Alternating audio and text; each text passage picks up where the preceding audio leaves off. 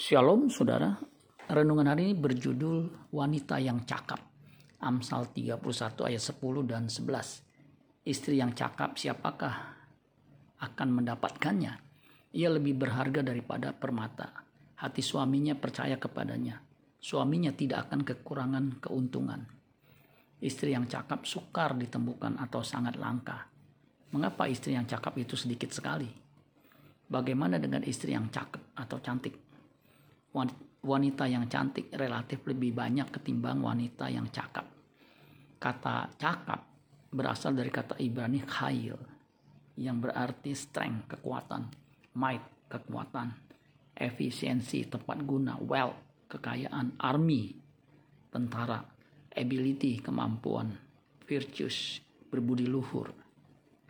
Kalau boleh saya definisikan wanita yang cakap atau wanita yang khail adalah wanita yang terlatih sehingga ia seperti tentara yang tangguh dan kuat di segala medan.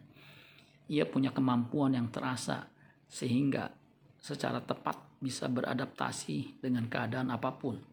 Ia juga memiliki kepribadian yang kuat dan berbudi luhur sehingga siapa pun yang berdekatan dengannya pasti akan merasa nyaman dan teduh.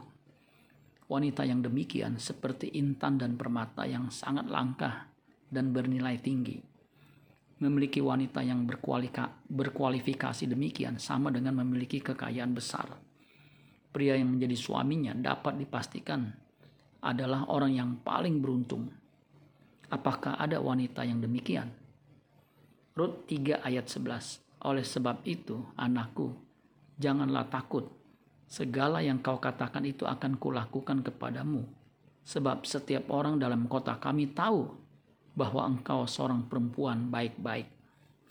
Bos mengakui bahwa Ruth adalah seorang perempuan baik-baik yang setiap orang di Bethlehem tahu. Gelar atau predikat perempuan baik-baik dari kata Ibrani Hayil Eset dari kata Hayil Isah. Isah artinya woman atau female. Wanita atau perempuan, wife, bisa juga artinya istri. Jadi jika seorang diberi gelar Hail Isa, berarti seorang wanita yang luar biasa, excellent. Itulah sebabnya orang-orang mengatakan Ruth itu lebih berharga dari tujuh laki-laki.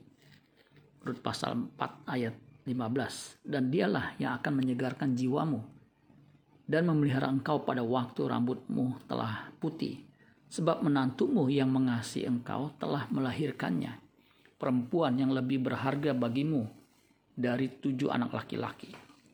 Bagaimana bisa menjadi wanita yang hebat dan luar biasa seperti itu? Memerlukan kerja keras dan pergumulan yang panjang untuk memiliki kualifikasi wanita atau istri yang cakap seperti yang digambarkan penulis Amsal ini. Sesungguhnya orang percaya adalah mempelai Kristus yang harus memiliki kualifikasi ini.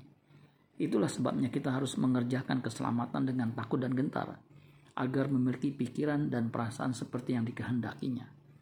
Tuhan memberi kita kesempatan seumur hidup untuk menjadi mempelainya yang akan disambut di dalam kerajaannya.